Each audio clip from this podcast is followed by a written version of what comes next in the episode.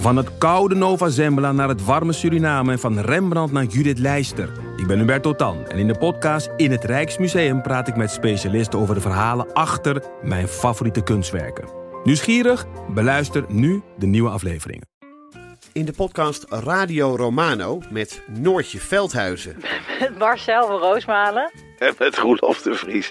brengen we alle drie elke week een zogenaamde signalering mee. Wat heb jij nou weer bij je? En aan het eind bepalen we wie de winnaar van de week is. Echt een angstcultuur Lege huls die je er bent? Ja, dat gaat eigenlijk altijd onvriendelijk. Luister nu naar Radio Romano bij Podimo.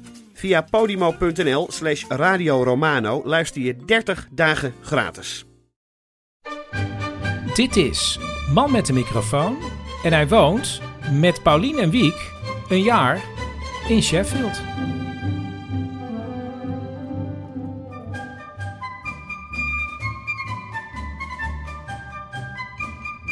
Oké, ik dacht, ja, we beginnen meestal niet met nieuws of zo, iets nieuwsig. Het is vrij eh, tijdloos wat we steeds opnemen. Maar nu dacht ik, is het misschien toch wel even handig. Eh, Prins Charles is ziek. Koning Charles. Oh ja, dat vind ik nog steeds heel moeilijk. Ja. Voor mij is hij nog steeds de prins der prinsen. Nee. Ja. nee, maar koning Charles is ziek, hij heeft kanker. En ze willen niet precies zeggen welke kanker. Maar Harry komt ervoor uit Amerika, dus dan is het ernstig. Alleen Rishi Sunak heeft gezegd, de behandeling is gestart. Gaat allemaal goed komen. Dus dan is het weer minder ernstig. Ja, ehm, ik vond het ook wel eh, interessant om te zien dat ze dus voor hun doen heel open zijn bij het Koningshuis. Want er was al gezegd dat hij eh, last had van zijn prostaat. En nu las ik in de krant dat sinds hij dat gezegd heeft, zijn er veel meer onderzoeken eh, ingepland voor mensen die ook naar hun prostaat laten kijken. Ja. Nou, en het leuke is, nou, het is niet echt mijn prostaat, maar toch wel. Ik kreeg een sms van, hey, je moet een uitstrijkje laten maken hier bij de huisarts. Dus ik krijg binnenkort mijn eerste echte contact met de medische stand in Engeland. Ja, maar het schijnt dus heel bijzonder te zijn dat er... Er wordt niet gezegd wat voor soort kanker, maar dat hij überhaupt ziek is en kanker heeft, schijnt alweer voor het Koningshuis heel eh, ja, open te zijn. Want ik las dat iemand ook eh, uit de school had geklapt door te zeggen dat eh, Queen Elizabeth niet dood is gegaan van ouderdom, maar omdat hij botkanker had. Wist jij dat al? Wist ik niet. Ja, dat schijnt dus ook eh, zo te zijn. Nou ja, maar ehm, ik dacht, ja, voor het geval die opeens overlijdt en we over vier weken opeens vanuit het niets dit moeten zeggen tegen de luisteraars die over drie jaar deze hele reeks gaan luisteren. te veel op de zaak voor uitloopt. Ja. Dit wordt allemaal meegeluisterd door de geheime dienst. Dit is niet goed. Nee. Oh, en dan nog ook iets. Ik dacht dat eh, Harry helemaal uit dat koningshuis geduwd was. En ik dacht ook, Hij was toch stepped away? Ja. Ste- step away. nou, maar stel je voor, Charles gaat dood. Wie wordt er dan koning? Die dingen, zo heet hij ook. alweer? William. William, ja. En wie daarna? Het is Engeland, hè? Ehm, misschien nog die niet-pedofiele broer van Charles? Nee, ik zal het zeggen. Ik weet even niet meer De hoe kinderen van William zijn daarna troonopvolger. Dus dat zijn Ja, weet ik Ja. veel. George en... Ja. Ja, weet ik veel. Charlotte en... George, zoiets toch? Nou ja, daarna is Harry nog toch. troonopvolger. Met, en, en daarna weer zijn kinderen. Archie. En op de achtste plek staat nog steeds die Andrew. Echt? Ja, We ik vond het wel in. interessant om te zien dat en Harry en Andrew ook nog in de lijn der troonopvolgers zit. Bizar. En jij bent ook nog een boek, of wil je dat nu niet Ja? zeggen? Maar zeg maar. Nou, we hebben nu de huidige Charles, Oh ja. is Charles III. Maar jij hebt nu ook, zit nu ineens in Charles de eerste en de tweede. Nee, de tweede kwam vorige week al aan bod. Want dat was de ananaskoning. Ja, en die is van eh, eind 17e eeuw. En toen nu ben jij nog een Charles naar voren gegaan. Ja, Charles de eerste. Een boek van Robert Harris. Act of Oblivion is dat. En dat gaat over Charles I. Die onthoofd is ooit door Ja. opstandelingen. Want het is een heel klein... Een paar jaar is het hier in Engeland een republiek geweest. En toen zei ik nog tegen jou van... Ja, Charles I. Die is onthoofd. Dan heb je Charles Ananas II. Zo Ja. noem ik hem zelf dan maar. Die is heel kort koning geweest. Vanwege die ananas. Nou ja, ik weet niet waarom, maar die is, dat is ook niet echt. Eh, en dat was in de 17e eeuw. Waarom hebben ze hem nou Charles uitgenoemd? Je bedoelt III? Charles III, Ja. ja. Maar Dus zou jij niet ook en- super graag willen dat je vernoemd zou zijn naar iemand die heel erg into ananassen was? Ja, dat wel. Ja. Daarom. Oké. Ehm, voorts waren we vandaag bij een uitvoering weer van Wiek. Op zijn nieuwe school. Ja. Hij was al dagenlang liedjes aan het hummen. ja, hij zit koud twee weken op die school. Er is gewoon een, een productie ingestudeerd. Waarin hij mee, ja, iedereen deed mee. En hij danste. En boom. Ja, hij is gewoon een boom. Dat vond ik zo gaaf. Heel klassiek, hè? Ja, hoe, kan, Ja. hoe ben je uit begonnen? Ja, als boom. Als boom, dat kan hij nu zeggen. Ja. Ja. En het was met alle year 4 kinderen. Eh, dat zijn vier Dat klassen. groep vijf. Ja, groep 5. Dat zijn vier klassen. Dus er waren wel 100 kinderen. En het zat geramd in elkaar, hè?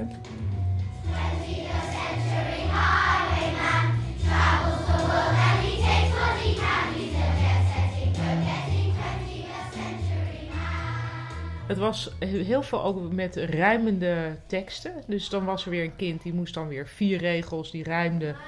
Gewoon lekker de zaal inslingeren.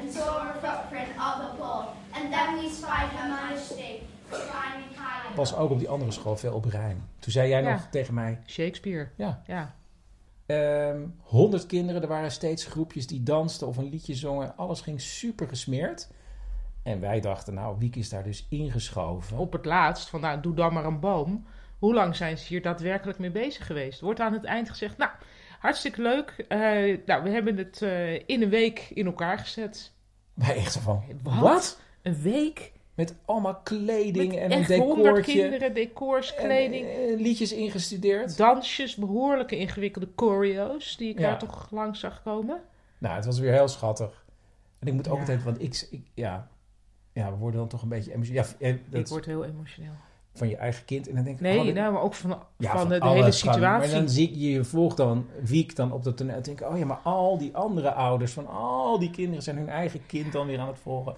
Het is allemaal heel lievig. Ja, ik vond het weer goed ingestudeerd. Het was, ik denk dat je in Nederland wederom iets zou hebben van, nou, we bedenken een format waarbij iedereen steeds zelf iets kan doen. Dus dat hebben we op school, op de Amsterdamse school van Wiek wel gezien van, nou, en dan zijn er wat jongetjes die doen voetbaltrucs en dan zijn er wat meisjes die doen een dansje. Of een ratslag. of een ratslag. Dus iedereen doet iets waar die goed in is. En dat wordt een beetje aan elkaar geregen.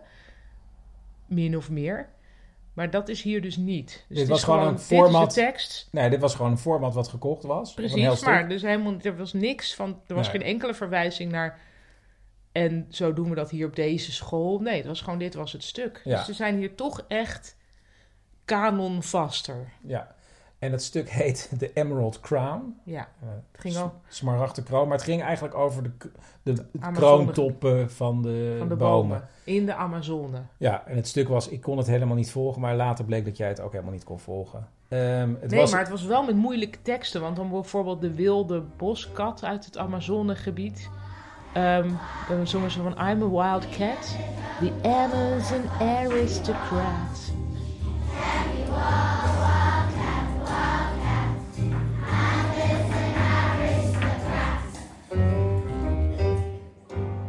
Nee, jeetje mineetje. De, de Amazone-aristocraat. Best wel moeilijk. ja. ja, het ging dus eigenlijk over het, het, het Amazone-gebied wat bedreigd wordt door de boomkap. Ja, en het eindigde met... En als ik dit lied heb uitgezongen, zijn er alweer duizend bomen minder. ja, Bye bye! ja, Ja, het was wat dat betreft niet uplifting, maar wel, eh, zoals dan weer werd gezegd, een important message. precies.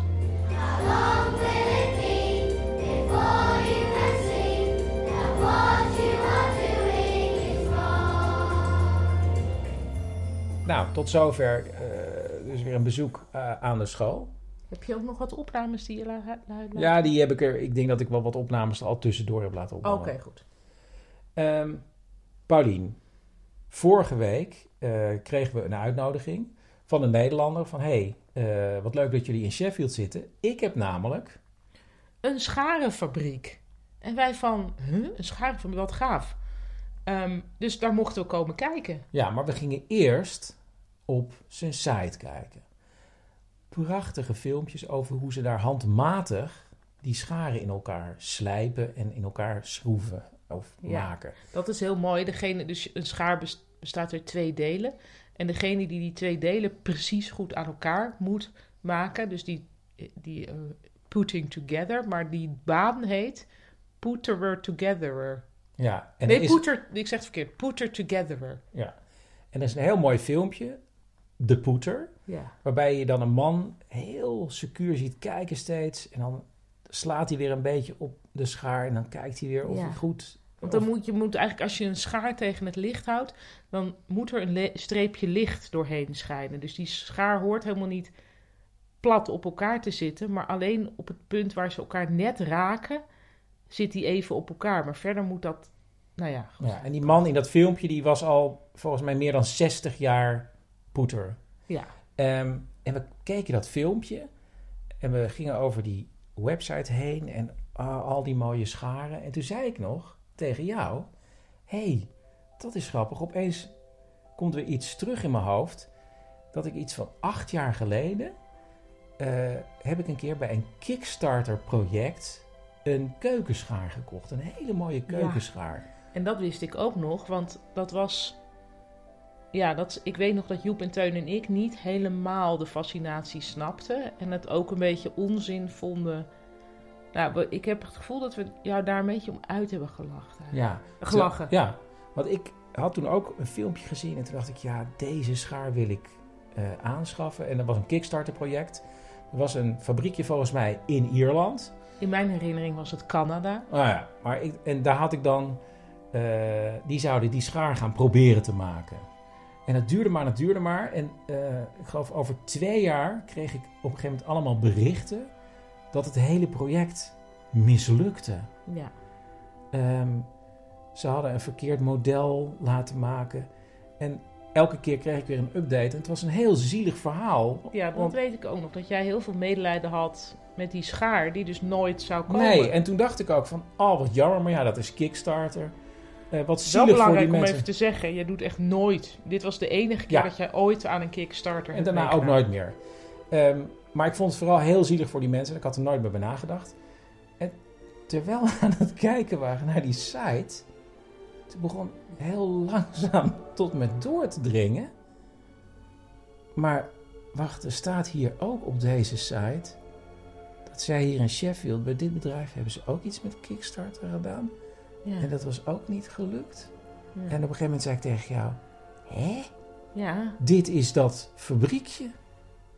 en wij zo van... Ja, toen zaten we urenlang in de stemming van... Hè? Ja. En toen uiteindelijk, toen zei ik... Probeer of je kan inloggen bij Kickstarter... zodat je kunt zien wat het eigenlijk was. Nou, toen heb ik ingelogd. Toen bleek, dat bleek dus ook nog te kunnen. Je had het wachtwoord nog. et cetera. Ja, heb ik ontdekt. En toen zag ik inderdaad op die Kickstarter-pagina één projectje wat ik ooit gesteund had. En verdomd, het Die was schaar. de schaar van het scharenbedrijf hier in Sheffield. En het heet Ernest Wright.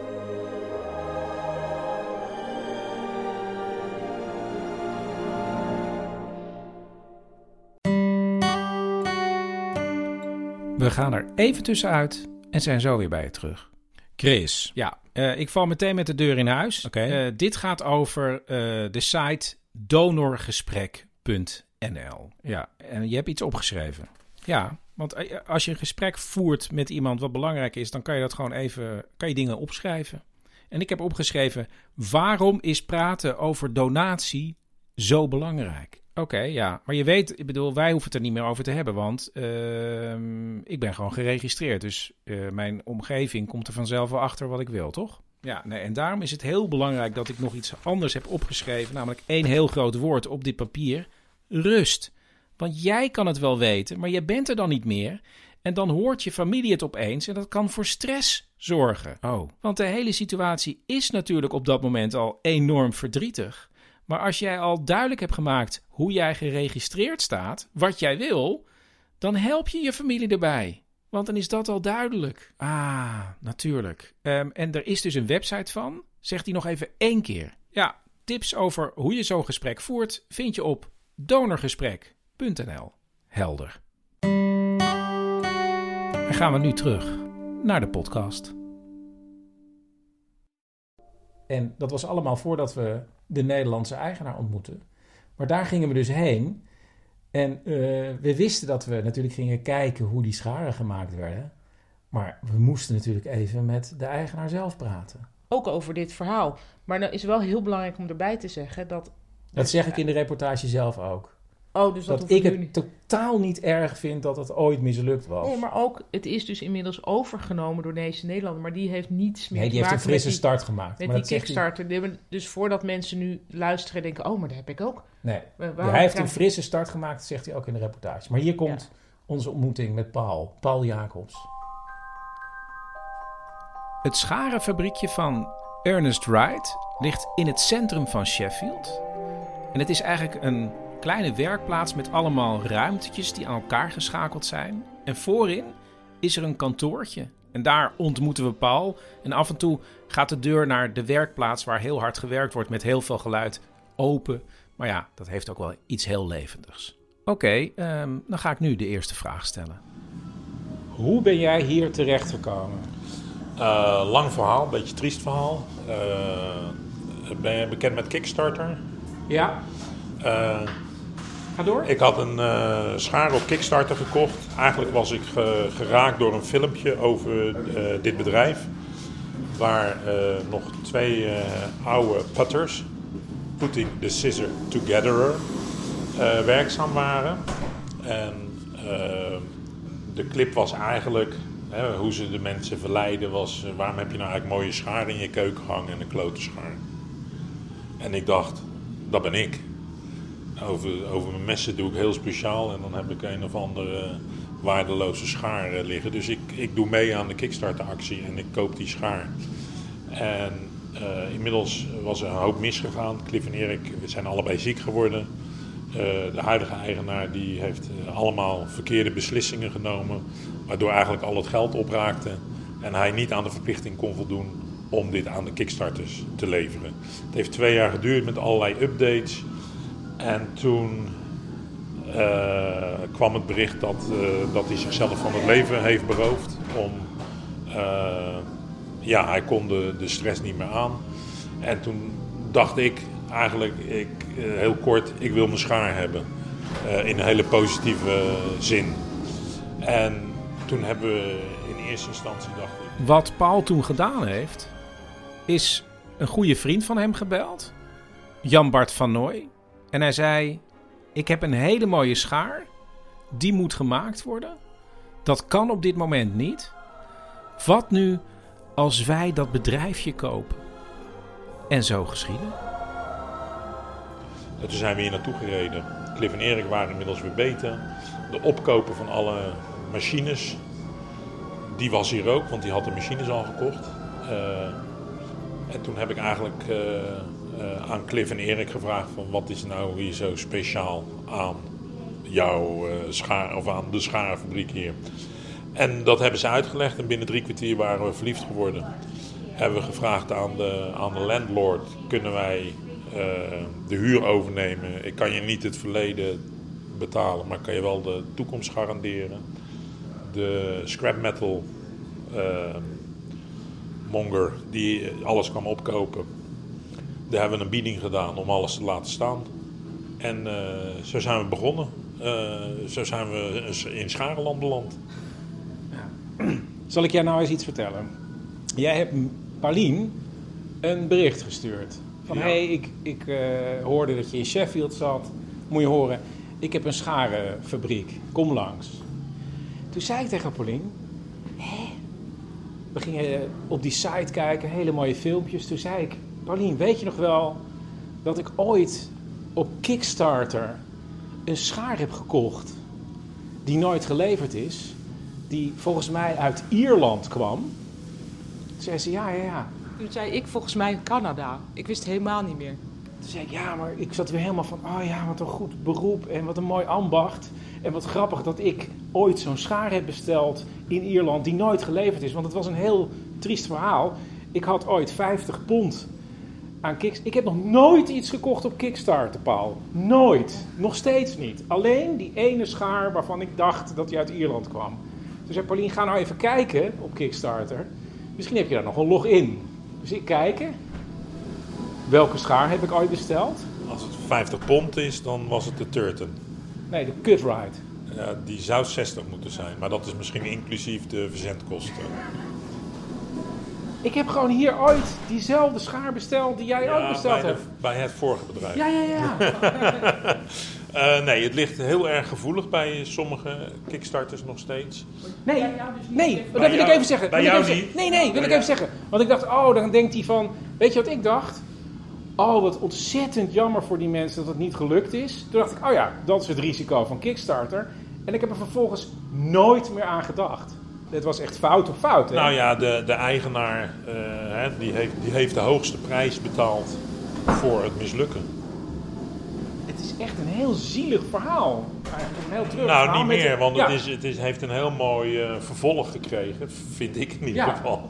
En eh, nou, we hebben eerst een half jaar met, met een aantal Nederlanders hier gewerkt om alle machines weer correct te krijgen. En omdat je hier geen netwerk hebt, heb je ze uit Nederland eh, twee, eh, twee jongens gehaald.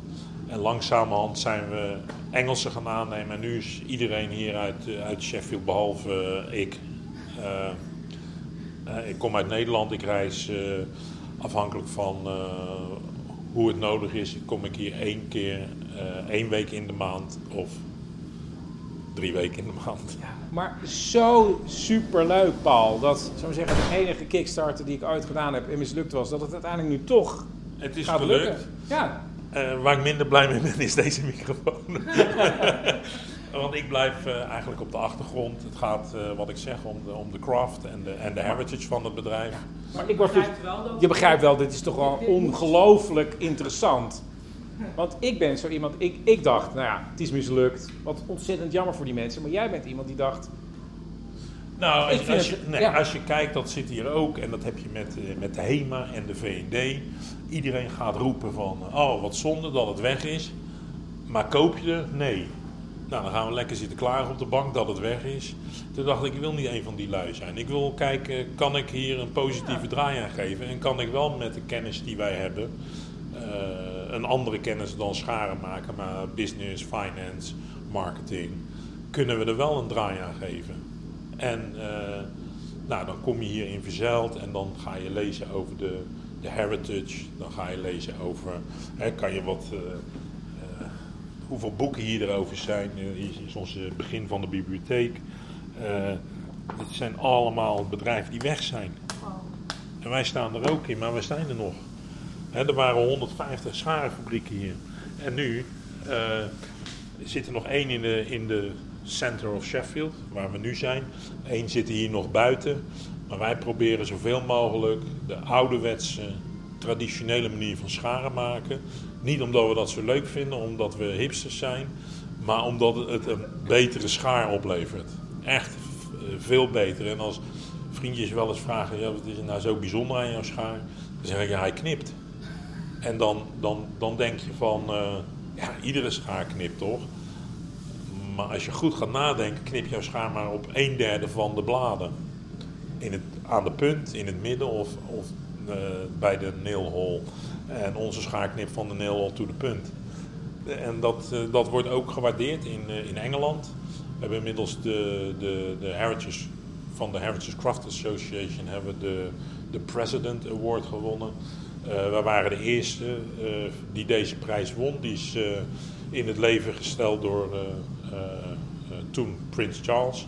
Hij is ook uitgereikt in person aan ons. We hebben hem ontmoet. Dus je komt in een hele andere wereld terecht. wacht even, je hebt dus de huidige koning ontmoet. Ja.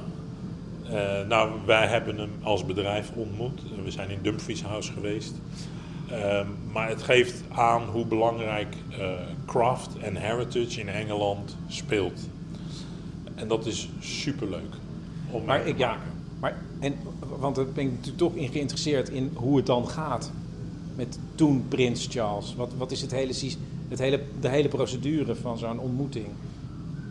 Het hoeft niet heel lang, hoor, maar toch heel. Ehm, nou, is je heel- gebriefd? Ja, twee uur lang. ja? eh, wat wat zeggen ze dan allemaal? Nou, wat je wel en niet mag doen. Wat mag je niet doen? Eh, nou, dat mag ik ook niet zeggen. Echt niet? Nee, het is eigenlijk, je, wo- je wordt gewoon gebriefd. Twee uur En, lang? eh, twee uur lang. En er is overal beveiliging en de telefoons moeten weg. En eh, ja, het is echt... Je mag geen vragen... Het mag, echt het is één richting verkeer, toch? Je mag geen vragen stellen en zo. Nee, dat is allemaal inderdaad... Maar vervolgens komt, komt, komt hij binnen. En dan is alles weg. En dan is het gewoon... eh, en, zijn opmerking, en je ziet, we hebben één foto ervan, dan zie, je- ons ons lachen. Hij komt binnen, hij steekt zijn hand uit. Hij zegt, waarom heb je geen schaarfabriek in Nederland? Nou, dat is, briljant. Eh, dus nou ja, hè, en dan kan je gewoon vertellen van, joh, maar Made in Sheffield, dat is, dat is eh, wereldwijd bekend. Dus eh, Sheffield is het. Vroeger werd een schaar in 70 stappen in elkaar gezet. En heel veel van die stappen werden gedaan door ja, zelfstandige ondernemertjes.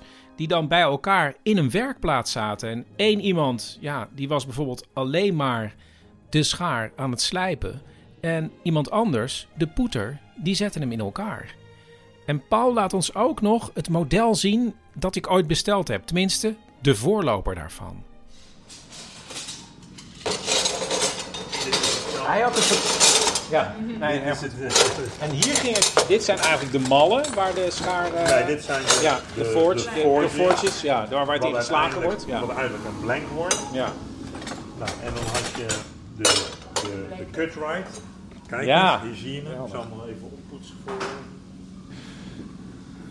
Eh, dit is 1964, deze schaar. Hè, maar, oh, dit, dit, dit exemplaar is echt uit Dit is 1964. uit 1964, deze. Wauw, als nieuw hè? Wil je ook even... Geweldig. Nou, toen heeft, eh, dit is de, de Kickstarter versie. Er waren heeft, verkeerde nou, forges gemaakt, toch? eh, voel het zelf. Oh, dit is niet goed. Hè? Maar je voelt het meteen dat het niet goed is. Gaat het voelen? Het is ook heel raar zwaar of zo. Hij is veel te zwaar gemaakt.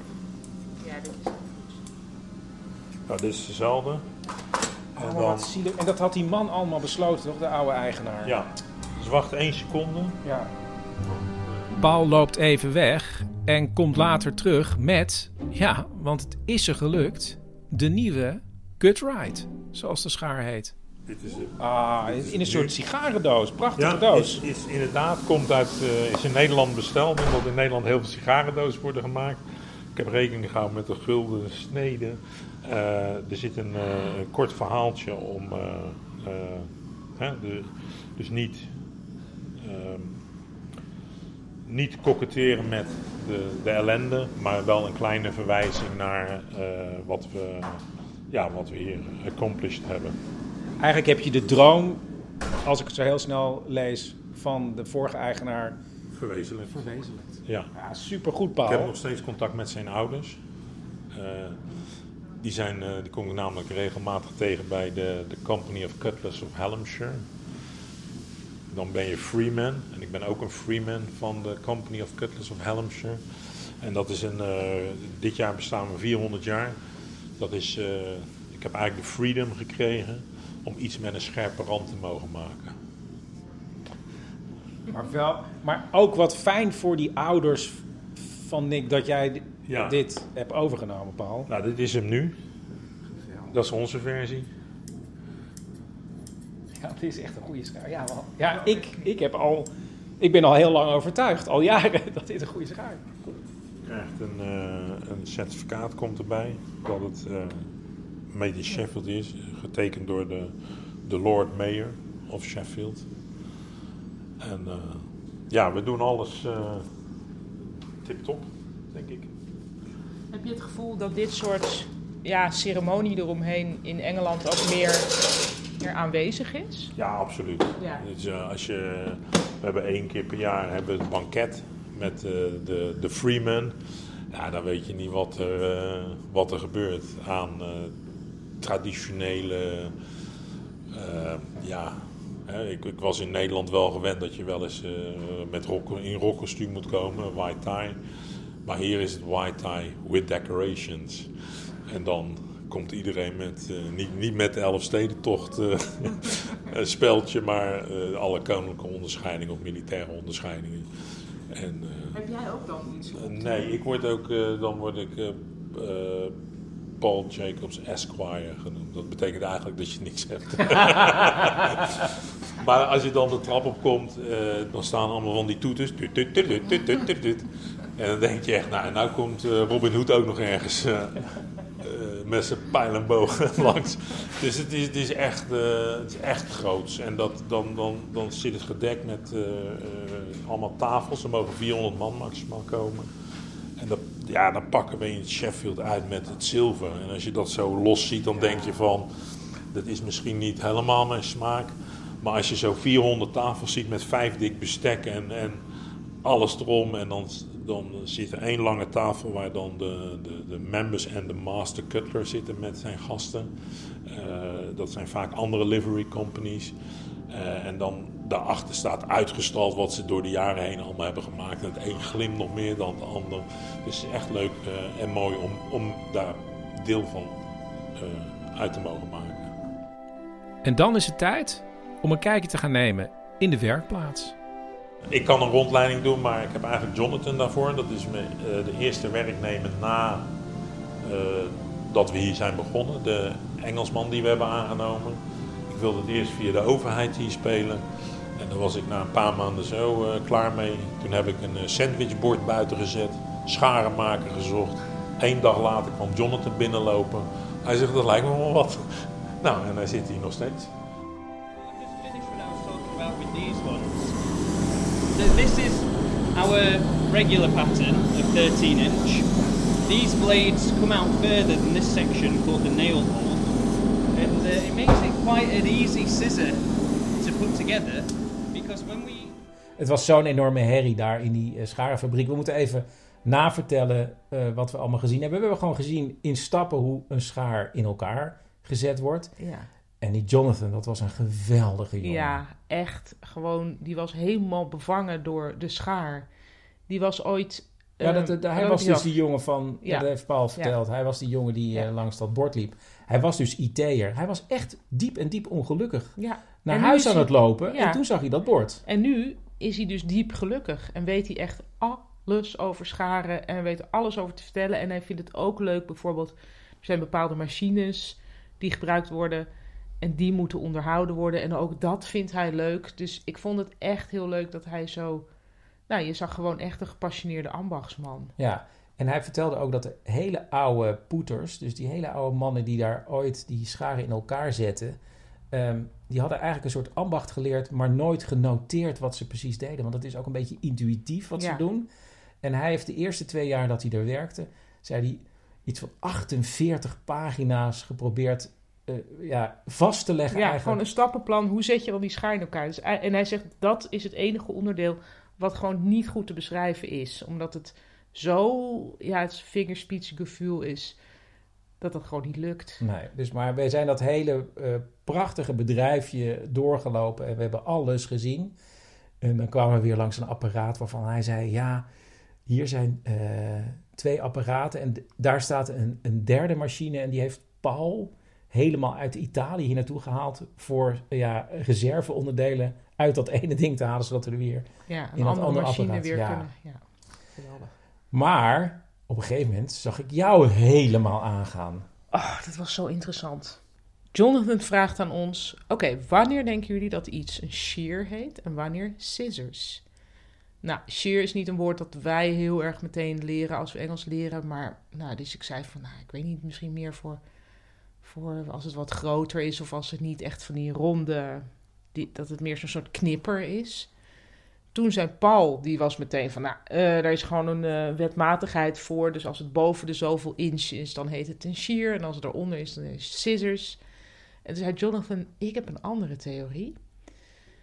En toen zei hij, shear is overduidelijk afkomstig uit het Duitse taalgebied. Scheren, schaar, shear. Scissors is Frans, cisoir. En toen legde hij eh, het verband met ehm, dierennamen. Dus je hebt sheep en ehm, uit het Duits, hè? of uit het Nederlands, schaap, schaaf. Ehm, maar je hebt ook mutton. En dat is als je het eet. Dus het, het schapenvlees is mutton. Mouton uit het Frans. Ehm, dan heb je ehm zwijn, eh, swine in het Engels. En pork komt van porg. Dus steeds zegt hij, is eigenlijk de dierennaam is van de mensen die moesten werken met de dieren. Die hadden eigenlijk de Duitsstalige woorden, meer in het noorden, meer de werkende klasse. En in het zuiden de chicere Engelsen, die spraken vaak met meer Franse woorden. En dat waren niet de mensen die moesten werken met die dieren, maar dat waren de mensen die de dieren konden opeten. Dus dat dan, ehm, dus bijvoorbeeld kaaf is eh, een kalfje, Duits. Dat zijn de mensen die met het dier moeten werken, maar die het eten, die zeggen viel van veau. Dat is toch heel grappig, dat eigenlijk die chique Franse, eh, dat je aan de chique Franse woorden kunt zien wie wat eigenlijk mocht eten en wie ermee mocht werken. En hij zegt dus van, ehm, scissors is eigenlijk de chique schaar en shear is voor mensen die er ook echt mee moeten werken. Super interessant. Vond ik heel interessant. Heb ik het zo goed uitgelegd? Ik denk het wel. Ja. En we zijn er ook wel een beetje doorheen. Maar wij hebben week. ook namelijk niet dat klassenverschil in eten, toch? Wij zeggen toch niet... Kalf, kalfsvlees. Varken, Ja. varkensvlees. Ja, En wij zijn de gewone mannen en vrouwen van heel Europa, denk ik. Doe maar gewoon, dan doe je al gek genoeg. Dat is weer Nederland. Ja, maar ik vind, ja, ik vind Ja, het toch heel grappig dat zij dus een... Daar is een taal en een klassengrens die elkaar dus kruisen als twee kanten van een schaar. Prachtig. Ja, nu is, nu is het echt rond. Ehm, tot zover deze aflevering. Ehm, wij gaan, omdat Wieke een weekje vakantie heeft, ergens in Wales in, In een Wales. huisje zitten zonder wifi en zo. Dus het wordt misschien heel moeilijk om een aflevering eh, te uploaden. Dus misschien wordt het iets later. Maar we komen terug. Blijf nog even hangen, want er komt zometeen nog een weetje van Wiek. eh, helemaal aan het einde. Eh, dit was aflevering 24 vanuit Sheffield. Ik eh, zal in de show notes nog even een link geven naar de site van het Scharenfabriekje hier in Sheffield. Eh, wil je lid worden? Dat kan bij petjeaf.com. Ehm, laat sterretjes achter in de iTunes Store. En ehm, nou, tot snel.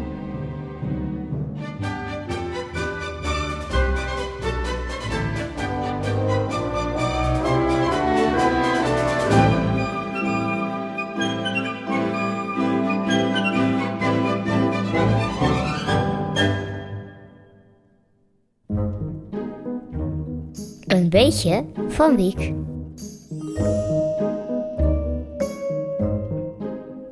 De cheetah, waar het nu over gaat, het snelste landdier op aarde. Veel mensen denken hij kan heel snel gaan. Dat is ook zo. Maar ja, hij kan het minder dan een minuut volhouden. Daarna wordt zijn, worden zijn pootjes al veel te heet. Maar nu, omdat het gaat over scharen, dit hoort er ook een beetje bij. Hierna komt nog het korte weetje over scharen. Maar dat is, de cheetah is namelijk de enige kattensoort die zijn nagels niet helemaal in kan trekken. En nu komt nog even het korte weetje. Namelijk, wisten jullie dat die pissebed vaak onder regentonnen en gieters en zo, of stenen zit, omdat ze eigenlijk familie zijn van de kreeft. En dan wil je dus nog een beetje van die vochtige plekjes opzoeken, omdat ze dus eigenlijk gewoon in de zee horen. En dat is omdat een kreeft scharen heeft. Daarom heb je de pissebed uitgekozen. Daarom heb ik de pissebed uitgekozen.